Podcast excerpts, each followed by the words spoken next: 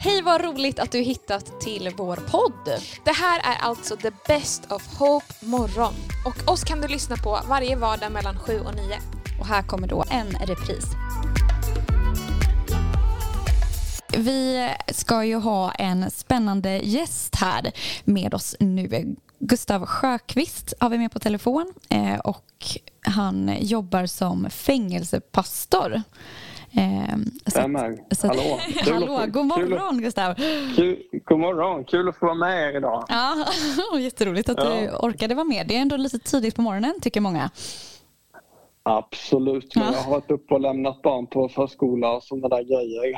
Men ja. nej, det känns jättekul. Det är inte varje dag som jag är med på radio. Nej, det är roligt att du vill vara med. Och det är inte varje dag vi har med någon som eh, har... Är det ditt jobb att vara på fängelse som pastor? Ja, det är det. Mm, då jag är det jobbar, inte varje dag vi har med det. nej, nej, men det är i stort sett heltid som jag jobbar med det. Så mm. det gör jag eh, fyra, fem dagar i veckan i alla fall. Mm. Oj, vad spännande. Och vi är väldigt taggade på att få höra lite mer om det alldeles strax. Men skulle du först vilja presentera dig lite för de som lyssnar så att vi får en bild av vem du är? Mm. Jag är en 42-årig, snart 43-årig smålänning som dock inte har bott i Småland på 20 år. Jag är pappa till tre tjejer. Jag är gift med en tjej också. På fritiden så gillar jag konditionsträning i olika former. Mm. Just nu är det säsong för löpning för mig. Mm. Till sommaren så blir det nog simning i öppet vatten och sådana grejer. Mm. Övriga året kan det bli lite skidåkning, rullskidåkning. Det är min fritid. Ja, absolut. Sen har jag jobbat då i församling på olika sätt i snart 20 år. Jag har jobbat med ungdomar. Mm. Jag har jobbat som pastor och föreståndare och sen tre år tillbaka då så jobbar jag i det som heter NAV, Nämnden för andlig vård. Och det är något, NAV samordnats av Sveriges kristna råd och det finns på alla fängelser och häkten i hela Sverige faktiskt. Är det sant? Mm. Oj, vad bra! ja, det beror, på, det beror på en lag faktiskt. Och det, det är olagligt att eh, frihetsberöva människor utan att man har rätt att utöva sin religion. Mm. Så mhm. alla som sitter häktade eller i fängelse har rätt att utöva religion och därför så måste eh, kriminalvården se till att den möjligheten finns. Och då har man bett Sveriges kristna råd att samordna det genom det här NAV, då, Nämnden för andlig vård. Mm. Så då är vi, jag är ju pastor i pingströrelsen då. Mm. Men det är pastor, pastorer, präster, diakoner och även imamer, då, muslimska själavårdare. Mm. Och eh, det finns eh, ortodoxa och katolska själavårdare, präster från de, de kyrkorna som kommer. Så det är ett otroligt så här ekumeniskt samarbete. Mm. Kyrkorna jobbar tillsammans. Men det är ju super, superbra. Och jag tänker Gustav, jag vet inte, vi kommer ju inte kunna ställa alla typer av frågor till dig eh, eftersom du har det typen av jobbet som du har. Eh, men kan ja. du säga vilken anstalt du brukar vara på? Eller vill du helst inte säga det? Nej, men jag kan, säga, jag kan väl säga som så att jag är på ett par olika i Stockholmsregionen. Mm. Och jag är, på, eh, jag är på ett litet häkte och sen så är jag på, men mest på anstalt. Alltså, skillnaden mellan häkte och anstalt är att häkte sitter du på innan du är dömd. Då. Mm. Anstalt, där avtjänar du ditt straff. Mm. Och jag är på anstalter som är i olika säkerhetsklasser. Eh, och inom anstalterna kan det vara olika avdelningar med olika säkerhetsklasser. Mm. Så jag träffar egentligen alla typer, alla typer av brottslingar. Mm. Människor dömda för alla typer av brott. Oj. Men jag träffar inga dömda tjejer faktiskt. Det sitter bara killar på de fängelserna jag jobbar på. Mm. Och vi är ju väldigt laddade på den här frågan. Just varför väljer man att arbeta med det du jobbar med, Gustav? Eh, om du skulle vilja berätta det för oss. Ja, absolut. Ja, men det är en väldigt bra fråga och jag har funderat så för att eh, eh det finns ju så oändligt många saker man kan jobba med och så jobbar jag som fängelsepastor och ofta när man säger det i, i lekparken eller sådär så blir ju folk så bara oj, det var ett ovanligt jobb.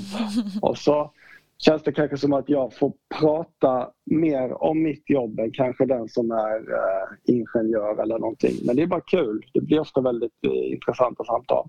Det förstår jag.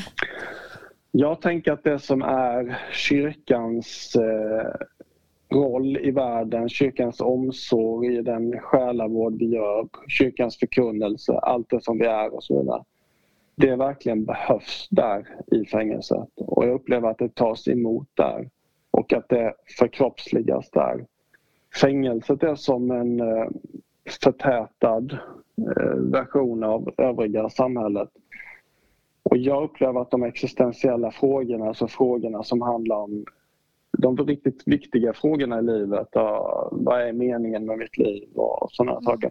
De är väldigt nära där hela tiden. Det är sällan en lång startsträcka med människor eh, inne på anstalterna. Och det tycker jag gör att det är en oerhört spännande miljö att jobba i och jag trivs jättebra med mitt jobb. Jag nyper mig själv i armen ibland och tycker att jag har ett, ett väldigt spännande och givande jobb.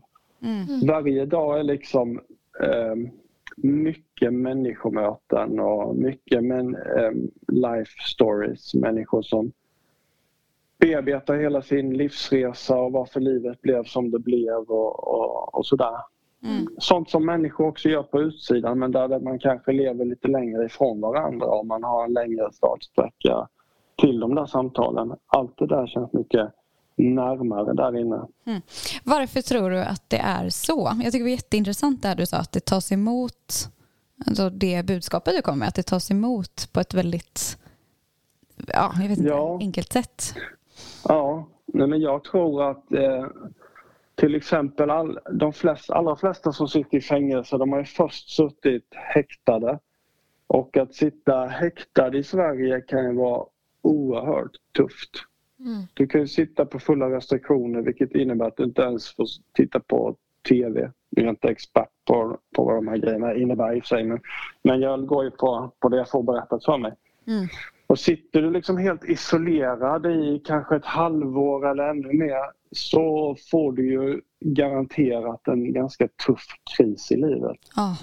Och du får garanterat oerhört mycket tid att tänka. Mm. Och, och, det där går ju många igenom då som sitter i, i våra fängelser. Mm. Om man tänker sig bilden av kriminella människor så kanske man tänker sig personer som, som har droger, vapen, gäng och statusprylar, brukar mm. jag tänka. Mm. Men när du har passerat häktet och är på ett fängelse så har du ofta varken gäng, droger, vapen eller statusprylar. Mm.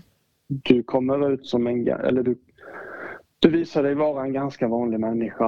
Mm. Det är vanliga enkla killar som kanske precis har haft en ganska tuff kris i livet. Mm. Och det tror jag gör att man har väldigt nära till de existentiella samtalen. Till att prata om vad livet verkligen handlar om. Mm. Och att man ganska mycket tänker efter och bearbetar och funderar på varför blev livet så här? Var det det här jag ville? Jag tänker att många, eller det är väldigt, väldigt intressant att höra dina erfarenheter och lite om varför du hamnar där du är. Ehm, men jag tänker att många mm. som sitter och lyssnar på det här säkert tänker att man inte vill ge de som sitter i fängelset ett andra chans eller att de inte förtjänar att få sitta och ha de här samtalen eller att det finns en ganska hård ton mot, eller attityd mot människor som har gjort misstag. Och därför blir det ju väldigt speciellt att du ändå ägnar din tid och din kraft och ditt hjärta till att möta dem. Vad tror du att mm. gör att du har en sån syn på, på de människorna? Oj. Jag tror att eh jag tror faktiskt att det,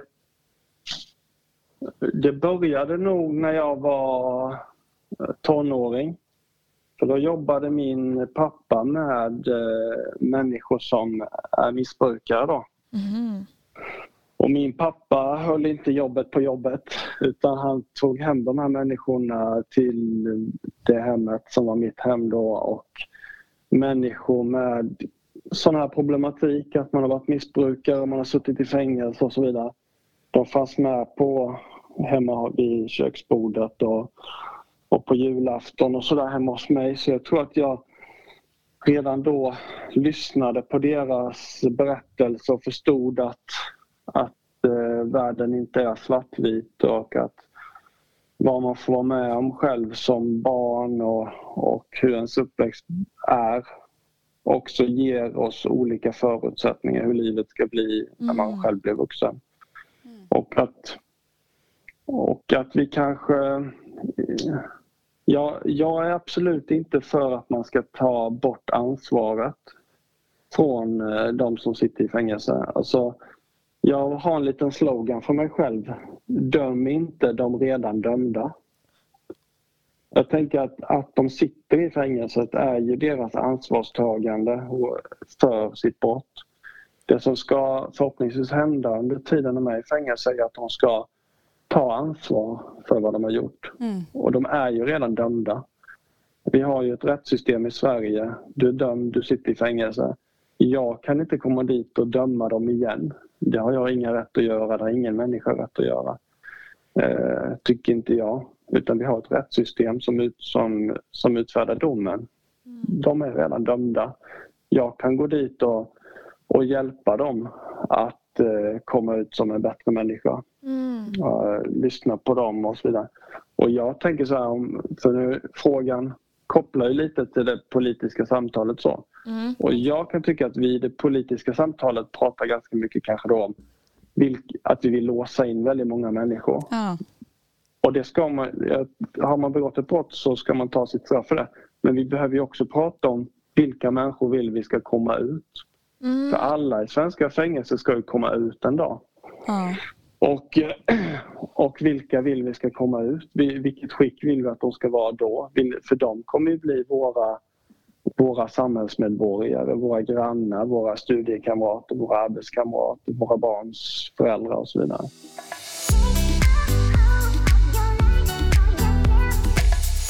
Men Gustav, kan du inte berätta för oss hur en vanlig dag på ditt jobb som fängelsepastor ser ut? Ja, det gör jag gärna. Eh, ofta så har jag en gudstjänst per dag. Eh, det har jag inte... Eller slår man ut antalet gudstjänster jag har på en månad så blir det ungefär en per dag. Så vi mm. kan säga då att den typiska dagen innehåller en gudstjänst. Mm. Då får vi bara samla en avdelning åt gången. Det är därför vi har ganska många gudstjänster då på en månad. Så vi får bara samla några stycken. Så då kanske det är sådär 8, 10, 12 stycken som kommer till kapellet och så sjunger vi lite om vi kan det eller så spelar vi musik på CD-spelaren, de får tända ljus och vi läser Bibeln och reflekterar över vad bibelstället betyder och ibland så firar vi nattvard och ibland inte. Och så fikar vi tillsammans. Mm. Det kan hända på eftermiddagen till exempel. Så tidigare på dagen så har jag kanske haft ett par stycken inbokade eh, enskilda samtal. Och då är det ofta att de har tagit kontakt med mig, att de vill ha enskilda samtal och så sitter man och pratar med, med dem i, i enrum då. Och då kan det ju handla om allt ifrån deras eh, relationer till anhöriga, eh, skuldkänslor man känner för straffet eller brottet man har begått. Man kanske vill eh, fördjupa sig i sin tro eller man är nyfiken och vill veta mer om, om min tro. Eller, ja, det kan, de enskilda samtalen kan handla om så otroligt mycket. Jag har till och med fått vara lite love doctor ibland. Men eh, någon, någon, någon brevväxlar med någon flickvän på utsidan eller sådär. Ja, men det, det hör till undantagen. Mm. Nej, men sen så eh, på lunch och så, så hänger man med kriminalvårdens personal lite också. Det kan också bli väldigt intressanta samtal där. Mm. Man eh, kanske börjar dagen med att gå på något eh, morgonmöte inne på anstalten så man hör lite vad som är på gång och vad som är aktuellt. Och sen så hänger man i deras eh, fritidsmiljöer. Det finns något som heter ASV, annan strukturerad verksamhet. Jag vet inte om det är slarvigt att kalla det för en fritidsgård. Det är inte en fritidsgård i negativ bemärkelse utan det är en plats där det finns bibliotek och, och pingisbord och musikrum och eh, ja, sånt där som de fritidsaktiviteter helt enkelt. Och det är en väldigt plats, bra plats att visa för de intagna att vi i NAV finns och går runt och presenterar oss och sådär. Mm. Oj, vad, vad spännande att få en liten bild av hur det kan se ut på insidan. Det är inte så jätteofta som man får möjligheten att höra det. Um, så väldigt Nej. spännande. Och jag tänker att du har ju väldigt mycket samtal då med människor och möter väldigt mycket människor och du känner att, eller du berättade att det var väldigt givande, att du fick bra samtal. Eh, har du några generella exempel eller några händelser som har betytt mycket eller där du verkligen fått se um, ja, men positiva effekter av att du har varit där och haft de här samtalen eller liknande? Ja, absolut. Det finns ett antal händelser som blir liksom minnen som jag tror eh, etsar sig fast i mig och jag hoppas på att bära hela livet. Ett sånt är första gången som jag firade gudstjänst på insidan. Då eh, var det nattvard i den gudstjänsten och det var en intagen som räckte mig nattvarden och sa Kristi blod för dig utgivet, som man säger i, när man firar nattvard. Och just att det var en intagen som räckte mig det, det liksom berörde mig väldigt mycket och att han sa så. Mm. Eh, Jesus säger på ett ställe i Matteus 25 att jag var i fängelse och ni besökte mig. Och det har blivit som en viktig insikt för mig från det tillfället att varken jag eller någon annan nu levande person kan säga att jag tog Jesus till fängelset. Jesus var redan där. Mm. Jesus finns redan där och vi besöker. Och det tog sig uttryck då för mig då att den här personen väckte mig nattvarden. Och, mm, wow. ja, jag, fick möta, jag, fick möta, ja, jag fick möta liksom Jesus och nåden wow. där komma in som en besökare. Wow. Det, var, det är ett sånt minne som etsar sig fast. Ett annat är en kille som ville bli döpt och den glädjen som han uttryckte och som inte bara syntes i hans ansikte utan i hela hans kropp när han hade fått ta emot dopet. På vilket och, sätt? På vilket sätt? Mm. Nej, det är svårt att säga men om du, tänker se, om du ser framför dig en människa som är glad ja. så ända ut i tårna liksom. Det, det, det, det var, han hade verkligen sett fram emot det där och, och jag hade liksom så förklarat att men det kanske vi kan ju döpa det på utsidan också och det är kanske bättre och bla bla. Alltså så här, men han, han ville verkligen och den där glädjen han kände då eh, bekräftade ju det. Jag, jag, är inte där, jag är inte där för att bedriva evangelisation och mission och, och eh, liksom omvända människor. Jag är där för att ge själavård och hjälpa människor att utöva sin religion. Mm. Mm. Men ibland så är, det ju, är ju deras livsresa sådan och, och det de är med om där inne gör ju att de ibland då säger jag vill verkligen bli döpt eller något mm. sådant.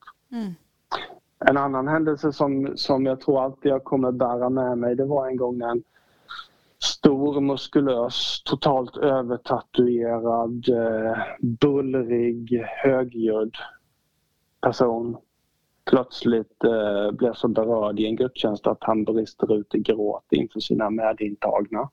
Mm. Och just att det är en sak om man gråter i det enskilda samtalet kanske men när man gör det inför de andra då det var en, det var en stark, eh, ja, och visade på tillit dem emellan också. Mm.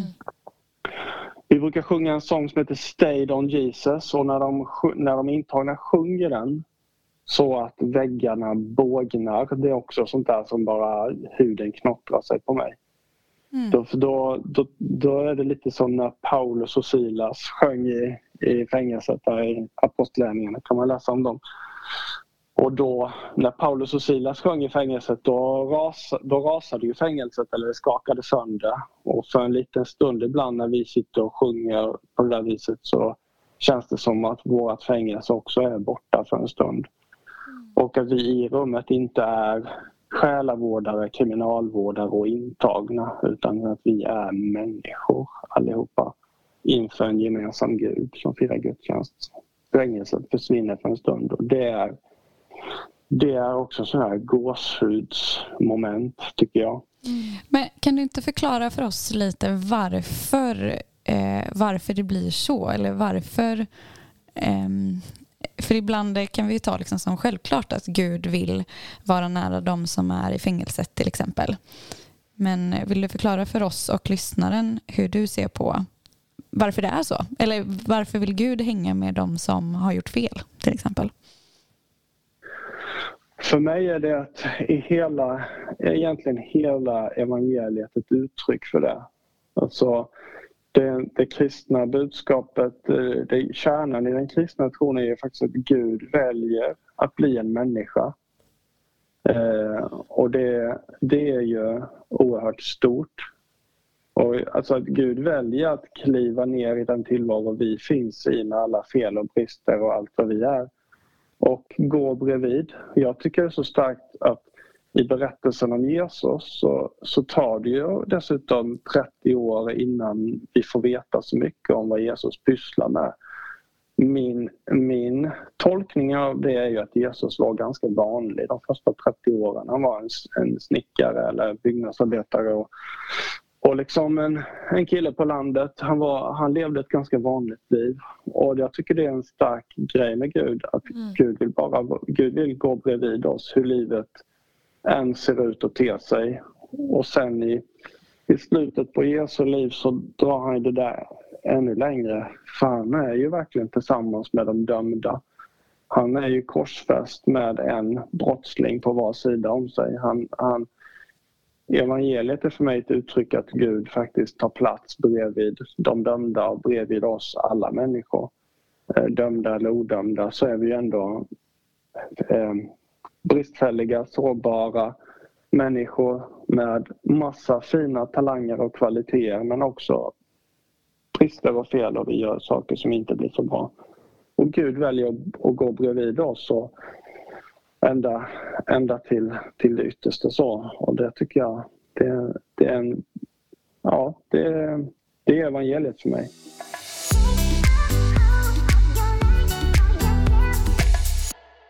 Och du Gustav var inne på lite uppmuntrande stories som du har haft och minnen som du har fått från ditt jobb i fängelset med att möta de här eh, personerna som är där inne. Är det alltid så upplyftande positiva situationer som du möter eller är det också jobbigare situationer? Ja, jag tycker det är bra att du ställer den frågan för att så är det ju. Och jag tänker att det är, det, det är ju evangeliet det också att Gud, att Gud går bredvid oss även när det inte blir, är fantastiskt. Liksom. Mm. Eh, ja, men ibland så sitter man ju bara i tystnaden med någon som, som är i smärtan av att missa sina barns uppväxt till exempel. Och jag som själv har barn kan ju verkligen känna den smärtan in i liksom kroppen och det är ju ingenting som jag som själavårdare eller pastor kan göra någonting åt. Mm. Ska man sitta där en 10-15 år då missar man ju en betydlig del av sin, sina barns uppväxt om man har barn som håller på att växa upp helt mm. enkelt. Och sitta med någon som känner den smärtan, det är ju... Och då tänker jag att det är... Den smärtan finns ju där oavsett om jag är där eller inte. Mm. Men att det är ibland väldigt, väldigt skönt att ha någon vid sin sida när man sätter ord på mm. sin smärta och sin sorg. Att det, att det är någon som går bredvid då. Och det, det har jag liksom kommit fram till att det, ibland är det bara meningsfullt att finnas där mm. och när de får känna sin sorg och sin smärta. Mm. Och likadant när människor ibland sätter ord på eh, vad de har gjort. Eh, alltså kommer till insikt, inser allvaret och, och konsekvenserna av sina brott. Att se dem gråta över dem som inte överlevde deras brott och, och sådär. Mm. Få, få liksom vara vid deras sida när de tar ansvar. Mm. Eller eller när de berättar om smärtan de orsakat familjemedlemmar, deras mammor till exempel. Våndan deras mammor har behövt gå igenom och sådär. Mm. Ja, jag tycker att det är, det är viktigt. Ehm, jag tror att en av de mest kärleksfulla grejerna är ju just att leva livet med människor, att vara med människor på alla dess olika plan och jag förstår att det blir en så otroligt viktig del av ditt jobb också, att bara vara där för dem. Mm. Och jag tycker också om att du lyfter upp det här för jag tror att det är lätt att nästan avhumanisera människor som har gjort brott eller bara se brottet när man tänker på människorna. Um, men jag tror, jag mm. tror att det är väldigt viktigt att få, få se lite personen bakom också. Mm. Det tycker jag om att du, du lyfter. Mm. Uh, för jag tror att det är väldigt viktigt. Ja, och att man, man kan ju oja sig väldigt mycket upplever jag det, eller i nyheterna och hur man pratar. Ni vet så här, ah, kommer ni ihåg den här personen som gjorde det här för 15 år sedan? Nu blir personen släppt. Mm. Eh, att det är så lätt att tänka eh, jag vet inte. Jag har nog väldigt lätt att föreställa mig att personen inte har ändrats eller kan ändras mm. under den mm. tiden. Eller glömma bort människan. Men kan du inte ja. hjälpa oss med det här? Vad, hur, hur ska man göra för att få en mer eh, verklig bild av vilka det är som både sitter häktade i Sverige men också de som sitter inlåsta i fängelser. Hur, hur är en vanlig sån person? Det är en jättesvår fråga. Om du vill hjälpa ja. oss med det Gustav. Ja, precis. Nej, jag, jag har inte den exakta statistiken framför mig heller men jag gör någon slags eh, killgissning här då liksom. Så eh, kan man tänka, men tänk en kille i 25-årsåldern, en svensk kille från en svensk stad som ja, men har kanske börjat experimentera lite med droger och sen kommer på att det är dyrt med droger och då börjar sälja droger också. Så kanske man får några års fängelsestraff för droghandel och så. Det är nog en ganska vanlig typisk brottsling på mm.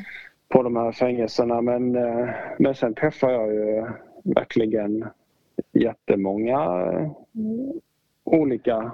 Alltså jag träffar ju alla typer av brottslingar. Mm. Så det varierar ju väldigt mycket också. En... Och en del, har ju, en del har ju en tydlig kriminell livsstil brukar jag tänka. Alltså att man har gjort kriminaliteten till, till, sitt, till sitt jobb. Man har gjort det till sin livsstil. Mm. Och sen finns det de som inte inte har det, som, inte, som kommer in men inte har en kriminell livsstil. Då det kanske bara har hänt det har varit en situation som har gått överstyr. Det har hänt någonting knasigt. Eh, eller man har gjort en annan typ av brottslighet, till exempel ekonomisk brottslighet eller mm. sexualbrott. Det är också kanske de människor som inte i övrigt har en kriminell livsstil. Mm. Men eh, sen är det ganska låg medelålder. Jag, jag var 39 år gammal när jag började med det här och då tänkte jag lite så här, och lilla jag liksom och de, de, stora gamla busarna. Men jag insåg ju ganska snart att jag kunde vara pappa till eh, rätt många där inne. Och att eh, det är många Oj. väldigt unga människor. Mm. Ja. En, en, en fråga till då. eh, vet du om brotten som personerna har gjort när du sitter och pratar med dem? Det varierar faktiskt. Mm. Eh, ofta så eh, Ofta så tar jag inte reda på det. Jag medvetet låter bli att göra det för att när personen förr eller senare om de har regelbundna samtal med mig så vill de ju berätta om det och då tänker jag att det ska få vara deras berättelse. Och att, eh, så att ofta så tar jag inte reda på det. Sen kan det ju vara så att man vet det ändå för att andra mm. pratar om det eller för att det står i media eller liksom. Mm. Eller att det kommer fram på ett eller annat sätt. Så ibland vet jag det men, men oftast försöker jag att inte att inte fokusera där, på det mm. faktiskt utan att jag möter, möter dem som människor först och, och låter samtalet handla om andra saker först. Mm. Mm, det låter vist och jag uppskattar verkligen att du hjälper oss att se, se människan som du möter och inte bara brottet utan människan som, ja. som finns där bakom. För jag tror att det är som du säger, det är väldigt viktigt. Um, ja. ja. Kan du ja, men, eh, Ja. Nej, kör du. Kör du. ja, men en, en sak som kan förstärka bilden av att det är människor då, det är ju att det finns något som har förvånat mig. Det borde inte ha gjort det, men det är ju att det finns otroligt mycket talang i fängelse. Alltså, mm. om, du, man, om du tar några tusen människor av den vanliga svenska befolkningen så inser vi att det finns väldigt mycket talang. Och det samma sak gäller ju på fängelserna. Att där sitter ju människor som kan så otroligt många saker. Mm. Och det tycker jag är häftigt att möta ibland när man sitter där i kapellet och helt plötsligt någon bränner av en låt de har skrivit eller sådär och man bara märker att wow, du mm. kunde verkligen det här och man liksom bara blir blåst av stolen nästan för att de är så talangfulla. Och det kan gälla annat än musik också. Det kan gälla att de är bra på att skriva eller måla, rita mm. eller liksom vika sådana, uh, vad heter det, ja, vika olika grejer. de kan bli bra på väldigt många olika ja. saker för att de har tid ibland. Ja, men det, det är verkligen någonting som man inte alltid tänker på. Men det är som du säger, det är ju människor. Så det är klart att det ja. finns otroligt mycket talanger och egenskaper och fina sidor i de människorna också. Ja. Mm. Hade du någon fråga Alma som du var på väg att svara Nej, men Jag tänkte bara gå tillbaka till ditt eh, quote där du hade om att inte döma de redan dömda. Jag tyckte det var så fint och någonting som jag tror att vi alla som lyssnar på det här kan ta till oss. Mm. Även i mm. vardagslivet också. Att det är så lätt att vi vill, eh, vad ska man säga, man vill bara fortsätta straffa människor. Men att ja. speciellt om, om man är en Jesus efterföljare så ska man ju alltid eh, se människan och älska personen. Ja. Mm. Ja. Är det något avslutande du skulle vilja berätta för oss? Ja, då vill man ju dra till med något bra. det tycker jag. uh, nej, men jag kan avsluta med en fin situation då när vi fick när vi bad tillsammans några, jag och några intagna i ett bostadsrum då, eller det man ibland kallar för en cell då. Eh, jag var ute på en avdelning och eh, hälsade på och så kom det fram en kille och så sa han så här, skulle du vilja komma och be för mitt rum så att jag sover gott? Mm. Så gick jag in i rummet, då låg hans kompis på sängen då och så, så, ja, så sa han, ja men jag kan vara med, sa han. Och sen innan vi precis skulle börja be för rummet så knackade han på dörren och stod med en bunke smet i, i famnen och höll på att baka något. Och vad ska vi göra? Ja, men vi ska be för Ja, men då vill jag vara med. Så, så plötsligt så var vi en hel delegation där inne som, som bad för rummet att han skulle sova gott. Och det visar lite på hur, hur naturligt också den, den andliga dimensionen är där inne. Mm. In, inte alltid såklart, men ibland. Tack för att du har lyssnat på vår podd. Följ oss på Instagram där vi heter hope.morgon. Och kontakta oss gärna om du har några frågor eller själv har något att berätta. Ha en bra dag, vi hörs snart igen.